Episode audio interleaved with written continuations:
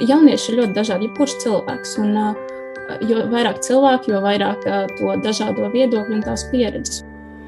Kas man sevišķi, sevišķi kaitina, laikam ir vārds upčene, jo es pati to nekad nesaku. Es neesmu dzirdējis vienu cilvēku, vismaz pēdējo cik gadu laikā, kas to teiktu ikdienā.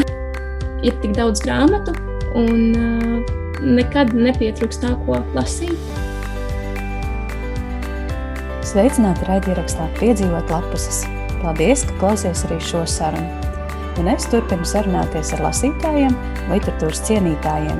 Man joprojām ļoti interesē, ko, kā un kāpēc lasa skolēni. Tāpēc šodien uz sarunu esmu aicinājusi 12. klases skolnieci un ļoti lielu literatūras cienītāju. Tā ir Sintīna Kaptēne. Sveika, Sintīna! Labdien!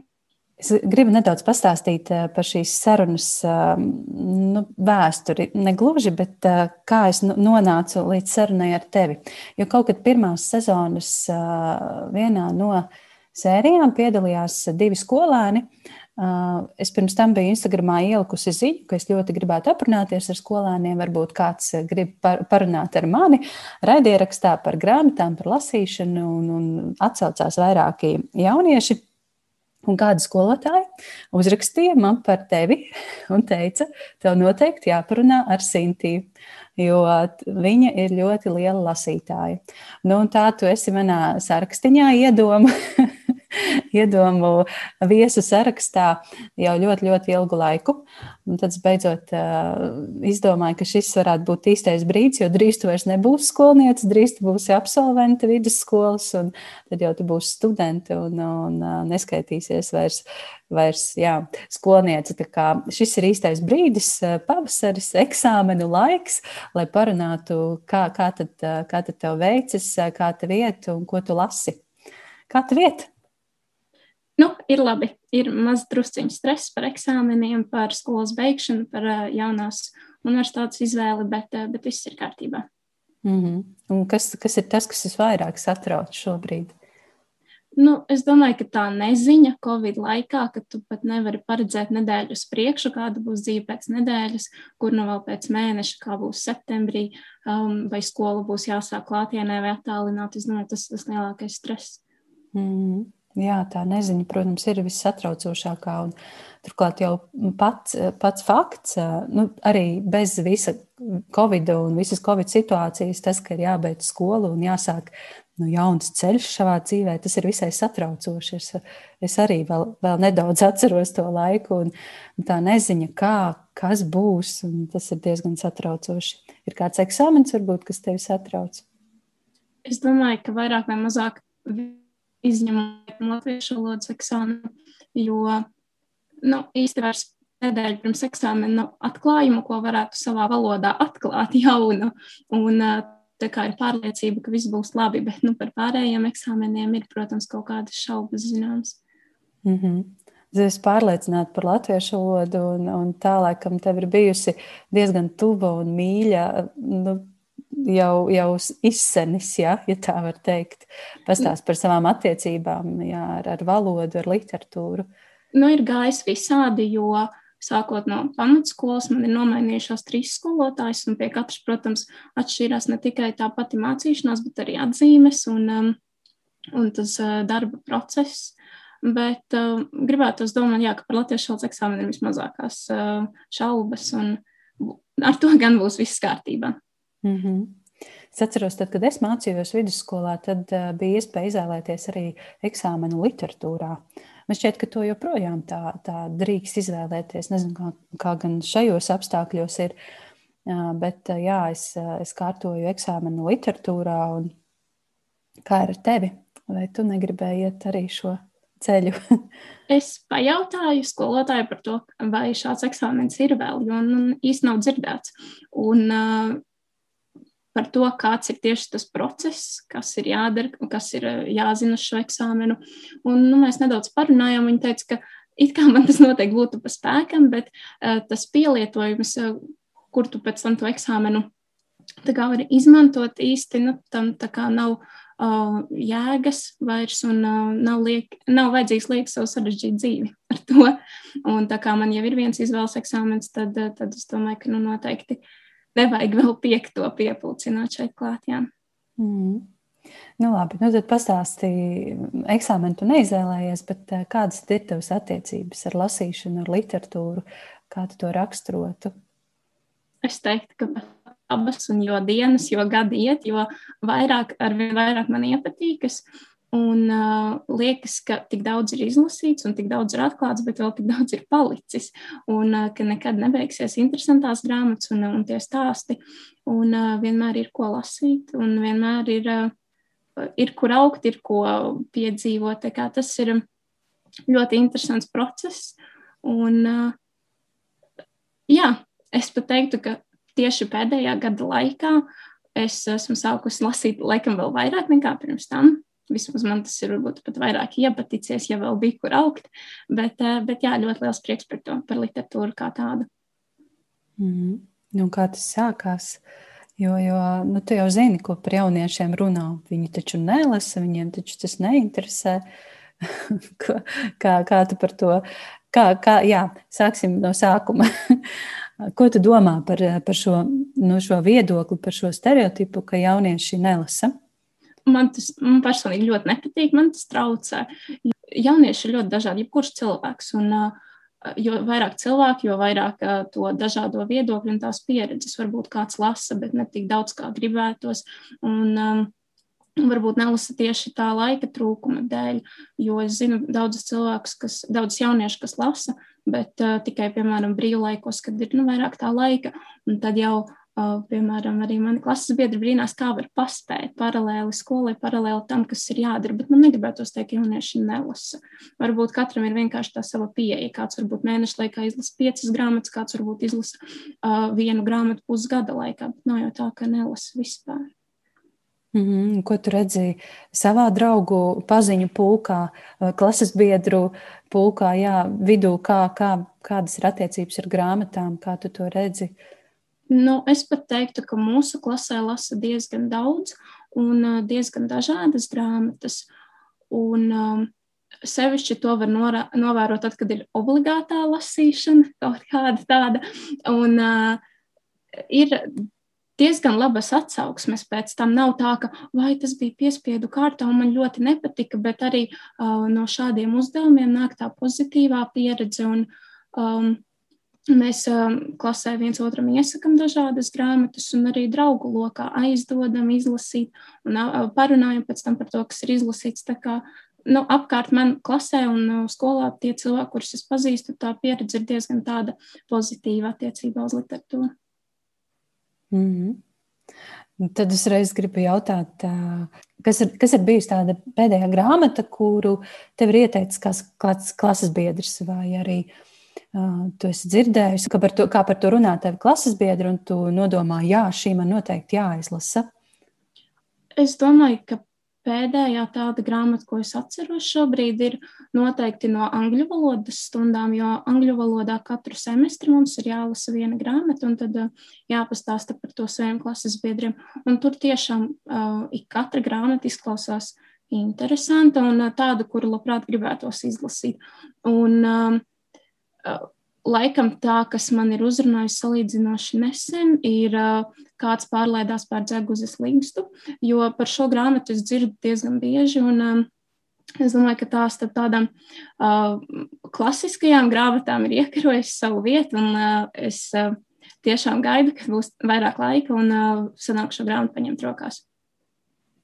Jā, es arī šo pavisam nesen, salīdzinoši nesen izlasīju. Uh, Man bija studijās jālasa tieši kāds pārlaidās par dzegusas līkstu. Tā bija viena no ieteicamajām grāmatām, un es ieraudzīju un domāju, nu, šis tā kā ir mm, īstais brīdis, kad to pārlasīt.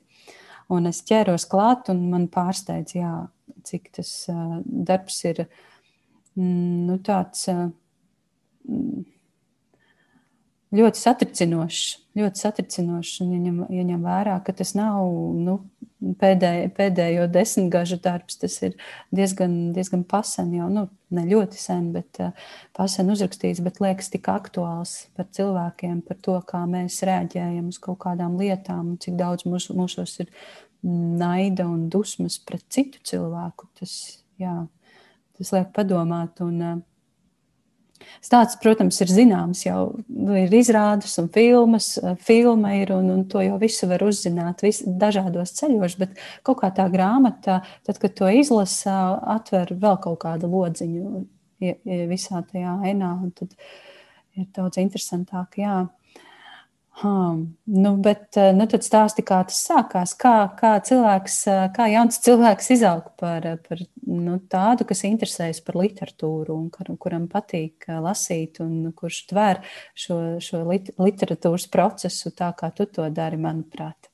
Nu, es domāju, ka viss sākās jau bērnībā tieši tā lasīšana priekšā, jo tā kā es esmu vecākais bērns un uh, pirmais saviem vecākiem, tad laikam man gribēja palutināt ar tām grāmatām, un grāmata nekad netrūk, un tieši ar bildēm, un, un ļoti skaistas un krāšņas. Un, um, un tad tā lasīšana priekšā, un uh, īpaši, es domāju, liela loma ir arī vecmāmai, jo pie viņas bija tādas grāmatas, kādus jau vairs nekur ne, citur nevarēja nopirkt. Tās jau bija tādas senākas, izdilušas, jau vairs lākos īsti neturējās, bet um, tajās grāmatās visos bija kaut kas ļoti īpašs. Un tad, kad tu sāc aizdomāties par to, cik daudz ir grāmatu un kas tev apkārt ir pieejams, kāda informācija, un, ja tu māki lasīt, tev viss ir pieejams būtībā no šī ir tik daudz dažādu stāstu, un katrā grāmatā, ko tu redzi plauktā, ir kaut kas pilnīgi cits paslēpts iekšā. Un tad, protams, likās uh, svarīgi, likās, ka tas ir vajadzīgs, ir jāmāk lasīt, un ir uh, tik daudz iespēju, kas paverās līdz ar to nu, ar uh, lasīšanas procesu man negāja viegli. Sākumā es, man bija ļoti grūti iemācīties, jo tā pacietība ir tik niecīga, ka uh, kā nesanāk, tā ir jāsviež viss pa gaisu, ir jāskrien prom, bet uh, vienmēr tā vēlēšanās tomēr pārnāca to visu, un, un tad es vienmēr atgriezos pie grāmatām, līdz es iemācījos. Es pat atceros laikam pirmo grāmatu, kas bija tā, kur es, no kuras es mācījos. Mm, sauca ja nemaldos, krāsainā pasaule. Tur ir uzraksts pirmā lasām grāmata, un tur tādi lieli burti un krāsaini atvērumi. Un ļoti vienkārši bija. Nezinu, likās, ka tā grāmata visu padara daudz vienkāršāk. Varbūt, ja tā būtu cita grāmata, iet vēl grūtāk. Bet, jā, un, un, un tā viss sākās ar lasīšanu priekšā, ar, ar to, ka bija pieejams tik daudz dažādas grāmatas. Un, un tā man tas iepatikās. Mm -hmm. Es arī atceros savu pirmo, pirmo izlasīto grāmatu. Man liekas, ka tas ir ļoti, ļoti īpašs mirklis, tas brīdis, kad uh, nu, man tas mazais bērns, ka nu, es par sevi varu teikt, ka es apjaušu, es lasu. Tie burti kaut kā liekas kopā, tās zilbes uh, veidojas vārdos, un tad tie teikumi. Un, ja man, man tā bija pasaka par, uh, par kukulīti, kas tur ripoja pa ceļu un satika dažādus dzīvniekus. Es atceros, kā tā grāmata izskatās, un atceros, kurā brīdī, kur es biju, kad es to lasīju. Un, un tas, tas ir tāds laikam ļoti īpašs mirklis. Tā kā, jā, paldies, ka tu arī padalījies ar savu īpašo mirkli, kas vēl no bērnībā lasītā ir palicis prātā. Un patiesībā šo sarakstu laikam varētu turpināt ļoti, ļoti garu, jo man ļoti patika uh, visas dažādu tautu pasakas. Un, um, Mums bija diezgan daudz tās sērijas grāmatu. Un sevišķi latviešu tautas pasakas man ir patikušas. Ir tā grāmata, tāda pabieza, uh, uh, balta tauta meita zvāka. Es domāju, tā visiem ir zināma. Jā, tā man ļoti patika.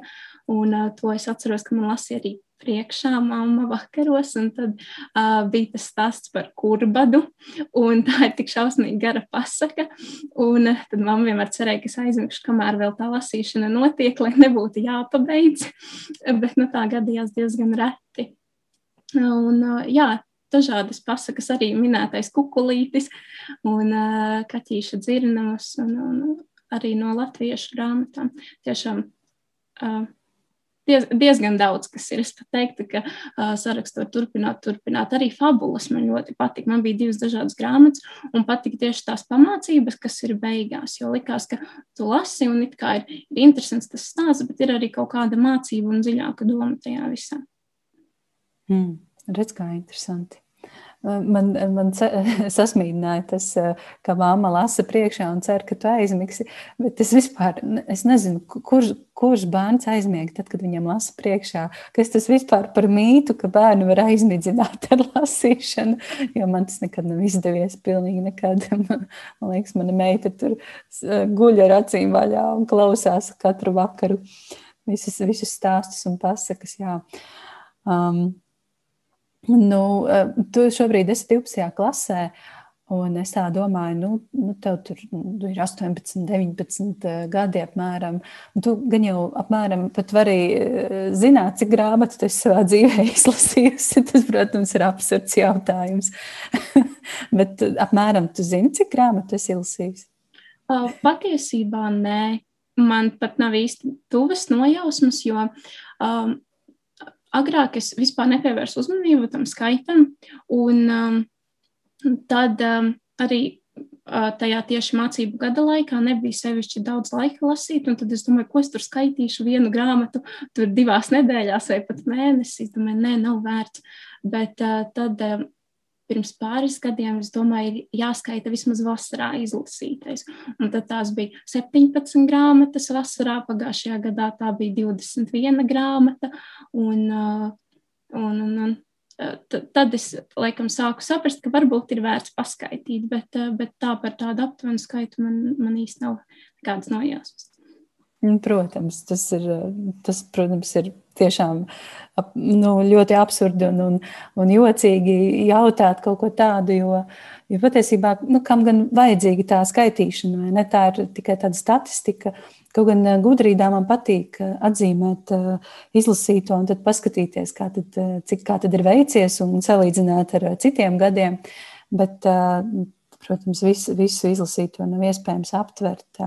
Bet tas ir arī labs rādītājs. Tas nozīmē, ka tu lasi daudz. un, jā. kā, kā tu raksturotu sevi kā lasītāju tieši šobrīd?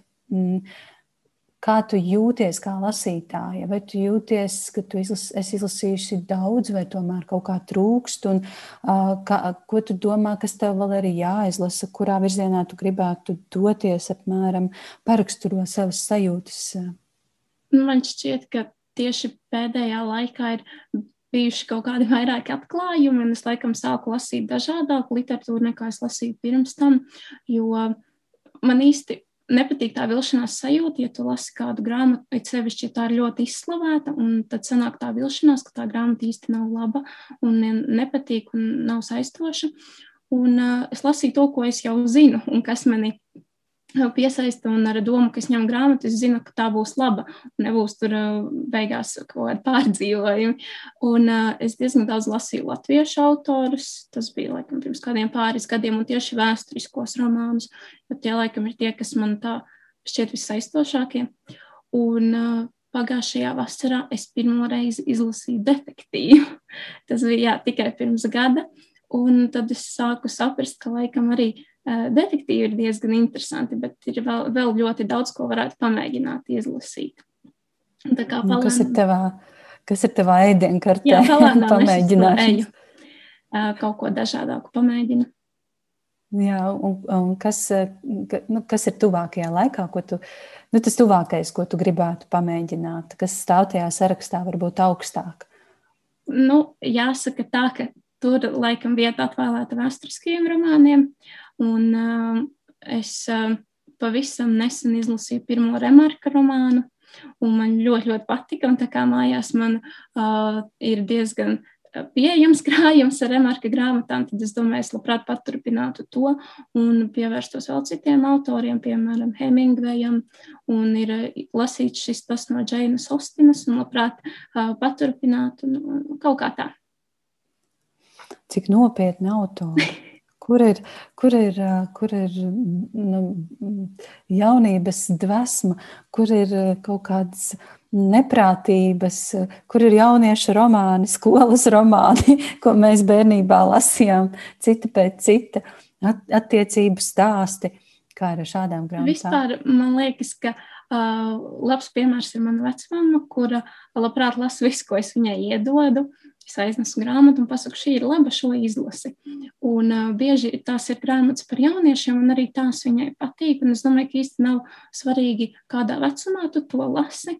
Bet, nu, labi, protams, ka tā pieredze ir atšķirīga, bet man ar jauniešu romāniem laikam īsti nav bijusi tā labākā pieredze. Varbūt vienkārši nemāk īsti izvēlēties kaut ko tādu.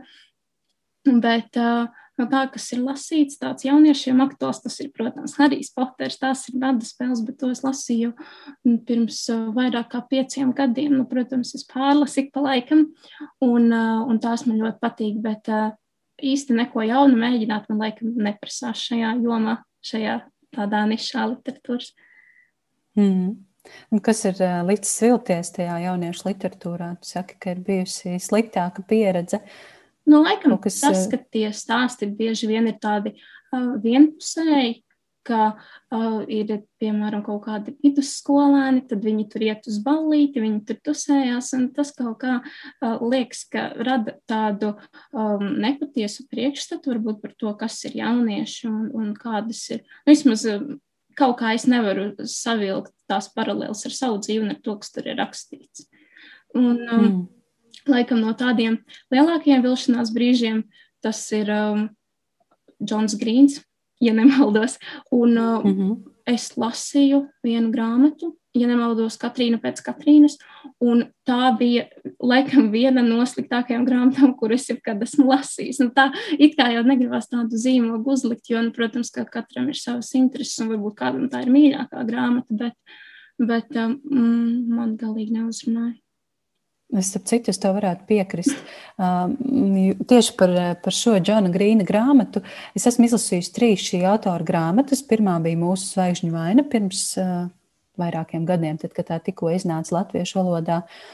Un, uh, man, man likās tiešām Tas bija kaut kas citādāks. Ja, ja līdz tam mēs runājām par nu, sadzīviski par jauniešiem, par to, kā viņi dzīvo, kā viņi mācās, un tur ir mīlestība un bla, bla, bla. bla, bla, bla. Nē, protams, viss ir svarīgi. Bet šoreiz bija tas, nu, tas nāves fons, un, un tā, tā, tas mazliet bija tā citādāk iepakots. Man tas likās, jā, tā atšķirīgi. Un nākamā, ko es izlasīju, bija Katrīna pēc Katrīnas, kas man bija tiešām liela vilšanās. Es domāju, nu, kā tas autors var rakstīt tā un šādi, pilnīgi citādāk un tik pliekani un nesaprotama. Tā, tā Katrīna pēc Katrīnas bija tāda ļoti, ļoti, manuprāt, neveiksmīga. Un tad atkal es izlasīju pavisam nesen Bruņu Rupiču bez gala arī Džona Grīna grāmata, kas man likās ļoti interesanta. Un atkal tur bija cits pavērsiens, nu, cits tas fons stāstam par mentālo veselību, kas man šķiet jauniešiem šobrīd ir ļoti aktuāla lieta, kā, kā būt, kā sadzīvot ar, ar tādām grūtībām un, un, un kā, kā iekļauties sabiedrībā. Tā kā varbūt var pamēģināt kaut ko no, no tādas literatūras, nu, bet uh, nav jau jālasa, ja tas neinteresē. jā, laikam pēdējā tāda jauniešiem veltītā grāmata ir mūsu spožās dienas. Un tā grāmata bija tiešām kaut kas ļoti īpašs. Un, uh, es pat sāku apsvērt, varbūt būs vairāk jāpievēršas tieši jauniešiem domātajai literatūrai, jo šo grāmatu es pavisam nejauši paņēmu rokās bibliotēkā. Viņa bija tieši pie jaunumu stenda, un es domāju, nu labi, jā, jau jauna, jāpaskatās, par ko tur ir. Un, um, uh, man uzrunāja tieši uz uh, grāmatas aizmugurējā vāka bija citāts no grāmatas, kurā uh, sarunājas galvenie varoņi, un tad viens otram jautā, vai tev kādreiz ir bijusi ideālā diena. Uz ko otra atbild, ka nu nē, nav bijusi, bet uh, un, uh, tad, tad ir tā, tā atbilde. Man arī nav, bet es to ļoti gaidu. Un man likās, ka nu vai, vai šajā grāmatā būs tā atbilde uz to, kas ir ideāla diena, un vai tā tiks sagaidīta. Un uh, es izlasīju šo grāmatu vienā dienā. Un uh, tie pārdzīvojumi bija tādi ļoti, ļoti spilgti vēl joprojām es atceros, kā es viņu lasīju, un, un, un diezgan spilgti tie notikumi palikuši prātā. Tā kā tiešām šī ir grāmata, ko es arī varētu ieteikt citiem izlasīt. Pavisam noteikti. Mm -hmm. Man liekas, ka šis ir īstais brīdis, kurā mazliet atkāpties uz kādu, kādu mazu taciņu. Mazliet parunāsim par Ogas pirmās vidusskolas skolēnu raidierakstu sarunas virsotnē kur nesen tika publicēta saruna ar rakstnieci Noru Ikstenu, un tu, Sintījā, piedalījies šajā sarunā. uzdeva jautājumus rakstniecei. Un es visiem klausītājiem iesaku šo sarunu noklausīties. Tā nav gara, bet ļoti, ļoti nu, vērtīga, manuprāt. Un, uh, mēs parunāsim mazliet par vienu jautājumu, ko tu, tu šķiet uzdevi rakstniecei, bet mazliet pirms tam pastāsti, kā, kā bija sarunāties ar uh, autori, kuras uh, droši vien, ka darbus tu esi lasījusi. Ko tu esi lasījusi no Noras Ikstens vispār? Um, jāsaka, godīgi, tas uh, saraksts nav garš. Uh, ir uh, palicis prātā no no skolas literatūras grāmatas uh, četru brauciens. Tas stāsts, kas, uh, lai gan īsts bija diezgan uh, domas ziņā ļoti saturīgs, ka nemaz nevajag būt garam darbam, lai tur būtu uh, tā dziļā doma paslēpta. Un, protams, mātes piens, kas ir grāmata, ko es esmu vairāk kārt pārlasījusi. Un, un, uh, es ne, ne, nepagurtu no šīs grāmatas, laikam, lasot arī piekto un desmito reizi, un ar vienu atklājas kaut kas jauns. Un, protams, arī o, ūdens mirdzēšana ir tā grāmata, uz ko vēl joprojām metu acis, un nav sanācis izlasīt, bet ļoti ceru, ka tā diena pienāks visai drīz. Un, um, Pirms sarunas laikam bija tāds stress, kā nekad dzīvē nebija bijis. Likās, ka viss, kas ir um, jebkad raisīs kaut kādu stresu, piemēram, eh, ZPD aizstāvēšana vai kaut kas tāds, tas vispār nestāv klāt, jo um, likās tā atbildība ir ļoti liela un tāds sabiedrībā zināms cilvēks, kam ir tik daudz darba un, un tas brīvais laiks ir tik niecīgs salīdzinot ar to, kāds ir tas darba apjoms, kas tiek paveikts ikdienā. Tad es domāju, ka nu, negribās izniekot cilvēku laiku un radīt kaut kādu varbūt sliktu priekšstatu par sevi, par mūsu skolas raidierakstu. Un, Un tā kā jā, atbildība bija liela, bet es domāju, ka mēs diezgan labi tikām galā un palikušas ir tikai uh, pozitīvas emocijas. Es piekrītu. Es, es piekrītu, ka jūs labi tikāt galā, un, un uh, rakstnieces atbildes bija tik skaistas un iedvesmojošas. Tur tiešām ka, katru otro teikumu gribējās pierakstīt un, un, un saglabāt sevi, jo, jo nu, tas tiešām bija ļoti svarīgi, tas, ko viņa teica. Īpaši jauniešiem. Uh, nu, jā, skaisti, ska, skaistas domas. Man palika prātā viens no jautājumiem, es neatceros, vai to uzdevi tu vai, vai kāda, no, kāda, kāda cita skolniece. Jūs jautājāt Norai Ikstenai, kā šobrīd trūks latviešu literatūrā. Un viņa savukārt atbildēja, un es viņai ļoti, ļoti piekrītu. Es to visiem visu laiku stāstu, ka trūkst labas literatūras jauniešiem par to, par šo aktuālo laiku, par to, kā jūtamies, kā jūs jūtaties, un, un literatūru, kas runātu jūsu valodā. Nu, tas, tas ir tas, kas pietrūkst. Kaut, kaut mūsu visus kāds sadzirdētu vai ne, un sākt rakstīt. Kā tev liekas, kā, kā trūkst literatūrā, latviešu valodā? Es uh, pilnībā piekrītu uh, rakstniecei, jo tas, ko mēs draugu vidū bieži runājam, ka ļoti daudz ir vēsturisko romānu. Es tā par to nesūdzos, jo man tie romāni ļoti patīk un uh, ir daudz ko lasīt, un vēsture ir tik plaša, ka kāpēc nerakstīt par to. Bet uh, tiešām jauniešiem uh, domātā literatūra, man liekas, ir ļoti, ļoti niecīga. Ir daudz bērnu grāmatu, ko es esmu ievērojis, bet uh, tieši jauniešiem man prātā nāk tikai divas. Un abas es esmu lasījusi, un abas ir pilnīgi pretstati. Viena no tām ir um, grāmata atmasko direktori kas laikam paredzēta bērniem stipri jaunākiem par mani, bet tādai atslodzei vienas dienas lasām bija ļoti, ļoti laba un tiešām kaut kas tāds. It kā liekas, tik pārspīlēta tā skolēna dzīve, tas slenga izmantojums un, un tādas lietas, bet ļoti interesanti. Un tad otra ir Osvalda Zebra grāmata Māra, kas mani īsti uh, neizrunāja. Es gan izmocīju viņu līdz galam, bet tā tiešām bija vairāk izmocīšana, jo nu, ne tas sižets, ne, ne tie paši tēli īsti nebija tādi, nebija nekā, kas īsti uzrunātu mani tajā grāmatā, bet tiešām cerība, ka varbūt nākotnē būs vairāk uh, jauniešiem domās literatūras. Mm -hmm. Jā, es, es Es esmu lasījusi abas tevis, tevis minētās grāmatas. Jā, es piekrītu, ka šī Dainas Ozoliņas atmasko direktori, tas nu, tādiem pamatskolēniem, tāds labs lasām gabals, 6. 7. klase, bet es arī to diezgan ar baudu izlasīju. Runājot par, par šo valodu grāmatās, tu teici, ka tas slangs un, un, un tas, kā jaunieši tiek attēloti, kā viņi runā, tevi kaitināja. Bet no otras puses, es esmu lasījusi grāmatas, kurā jaun, kurās jaunieši runā nu, tādos tīros, gludos, mākslinieciskos teikumos, kas man arī liekas nu, neticami. Nu, es tam neticu, nu, tā, nu, tā nenotiek. Tad kas ir tas, ko, ko, ko tu gribētu, ko mēs gribam no tās grāmatas īsti? Nu, man šķiet, ka svarīgi tieši, kas attiecas uz sarunām, ka katram cilvēkam ir uh, sava valoda, būtībā tas savs stils, kādā viņi runā. Un uh, nav tā, ka uh, tie izteicieni ir vienādi un katram ir tās savas valodas īpatnības, bet par to slengu izmantojumu tieši skolēnu vidū es um, Nu, tas, protams, atšķirās arī no situācijas, ar ko tu runā, un tu runā ar skolotāju citādāk nekā ar uh, saviem draugiem. Bet uh, kas man sevišķi, sevišķi kaitina, laikam ir vārds učene, jo es pati to nekad nesaku, un es neesmu dzirdējis nevienu cilvēku vismaz pēdējo cik gadu laikā, kas to teiktu ikdienā. Nu, ir kaut kādi laikam pieņemti, pieņemti tādi uzskati par jauniešiem, par viņu valodu, kas laikam tik ātri neizzudīs. Bet, bet ar to varbūt vajadzētu kaut kā tikt galā un izmantot citus aizstājējus šiem vārdiem.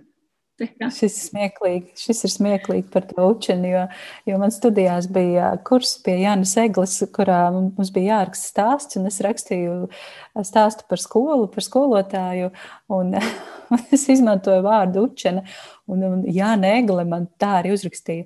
Vai tiešām tā vēl kāds runā? Reku tu apstiprināji, ka, jā, nu, ka diez vai tā kāds runā skolās. Jā. Hmm. Interesants, interesants šis, šis jā, par, par jauniešiem šī tēma un par jauniešu literatūru un kā to vispār attēlot un atklāt. Es teiktu arī, jā, kā tieši tā kā Nora Ikstena teica arī sarunā, ka jāsāk tiem jaunajiem rakstīt. Mēs gaidām jaunus rakstniekus, jauniešus, jaunus cilvēkus, kas, kas tieši šobrīd piedzīvo nu, to, ko, to, ko jūs piedzīvojat, tādu kaut kādu izolāciju no tās ikdienas, no, no, no dzīves plaukuma. Nu, tā, tā ieslēgšanās kaut kādā tādā savā pasaulē, noslēgšanās piespiedu, tas ir diezgan liels pārdzīvojums. Un to tā līdz galam var saprast tikai tie, kas patiešām nu, to piedzīvo. Tā kā jā, Sintīna, varbūt tev jāsāk rakstīt. Nu, patiesībā es mazdrusciņu rakstu, un uh, man tas tāds um, būtībā vairāk dzēju, jo dzēja ir tiešām kaut kas, kas man ļoti saista un ļoti, ļoti patīk, bet uh, es neatmetu to domu, ka varbūt kādreiz, uh, kādreiz taps arī romāns. Es ļoti ceru, ka tā būs, ļoti vēlētos, un šajā ziņā mani uh, tā mazdrusciņi iedvesmo Māris Bērziņš, rakstnieks, kurš sāka rakstīt jau tie jau nu, salīdzinoši nesen. Tie, tie nebija ne viņa pusauģa gadi, ne 20 gadi. Tā vismaz kādā intervijā viņš stāstīja. Un tad man likās, ka um, nav ko nokavēt. Uh, nav tā, ka, ja tu tur nesāksi līdz 20, cik vai 30 gadiem rakstīt, tad tu nekad nebūsi rakstnieks. Nu, tu nevari neko palaist garām, un nekad nav par vēlu sākt. Mm. Nu, tev pilnīgi noteikti vēl nav par vēlu. Tas ir skaidrs, eh, tev visa dzīve priekšā, un, un galvenais iet un meklēt to ceļu. Un, uh, vēl tik gaidīt mūzu ir vienkārši jādara, jāraksta un, un jādarbojas, ja tā, ja tā lieta interesē un ja gribas. Mēs kaut kā esam aizrunājušās, bet es gribēju pajautāt tev, um, trīs tavas mīļākās grāmatas, kas ir tādas, kuras tu nosauktu par, par sev ļoti, ļoti tuvām grāmatām, kas tevi ir ietekmējušas, varbūt tādas, ar kurām tu salīdzini citas grāmatas un meklē kaut kādas sajūtas līdzīgas? Tas ir ļoti, ļoti sarežģīts jautājums. Par šo es padomāju, bet um, laikam ka būtu vieglāk nosaukt konkrētus autorus nekā grāmatas. Un, nu, tad pirmā, kas nāk prātā, ir Rūta Šapetis, jo uh, es esmu ilzījis visas četras viņas šobrīd tapušās grāmatas, un uh, tās visas man ir ar piecām zvaigznēm novērtētas, visas stāv plauktā goda vietā, un, un uh, par šīm grāmatām laikam varētu runāt ļoti, ļoti ilgi. Un tad sako Virģīnija Vulfa, kas uh, ir jau tas rakstīšanas stils ir tāds, kā man liekas, neviens cits neraksta. Ir grāmata, kurā viens teikums ir 13 rindiņās uzrakstīts, un tu lasi, un, un tas tā kā nevar īsti atkāpties no tā, tā kā varbūt tā nav vieglākā lasām viela. Uh, piemēram, atslodzēji vai, vai pēc garas darba dienas, jo ir nepārtraukti jādomā līdzi, bet tā, tā dziļā doma tam visam apakšā tie simboli, kas ir paslēpti tajās grāmatās, tas ir kaut kas pilnīgi, man liekas, tā neviens cits neraksta. Un tad, laikam, vēl es varētu minēt Patriciju Haismitu, kura, laikam, plašāk pazīstama tieši ar grāmatu Talantīgais Misters Riplīs. Un tur ir kaut kas arī pilnīgi unikāls, jo viņas romāni ir diezgan psiholoģiski, bet tāpat laikā nav tā, ka ir ļoti grūti uztvert, jo tā valoda ir tik saistoša, ka uh, lasās diezgan ātri uz priekšu, un tie notikumi uh, arī ir tādi ļoti, ļoti neparedzami. Tā kā tā, tā, šo visu rakstnieču grāmatas es noteikti ieteiktu uh, vismaz, um, vismaz kādu no šīm visām jo mm. katrā ir kaut kas cits. Pilnīgi trīs dažādi virzieni, trīs uh, dažādi laika posmi, kuros šis uh, autors ir dzīvojis, un tas, domāju, arī kaut kādā veidā iespaido to, to viņu stilu. Hmm. Nu, tu man pārsteidz ar Virģīniju Vulfu. Uh, jā, tas, tas tāds varbūt negaidīts pavērsiens, bet uh, es atkal varbūt dzīvoju, dzīvoju stereotipos. Um, kā Kas, eh, mēs parunājam par, par tavu bērnību, par to, kā vecāki ar, ar lasi, priekšā lasīšanu varbūt ir izaudzinājuši tevi par lielu lasītāju, bet tu runā par Virģīniju Vulfu un, un stāsti, ka nu, pārdomā katru teikumu un meklē tajā simbolus, eh, kā, kā tas tā ir sanācis.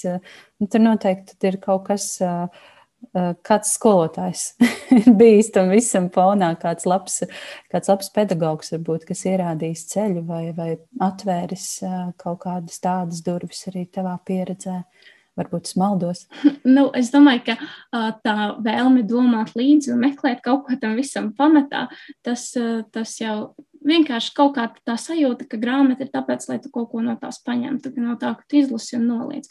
Ka ir vienmēr kaut, jābūt kaut kam, ko tu pārdomā, kaut kam vērtīgam, ko paņemt līdzi.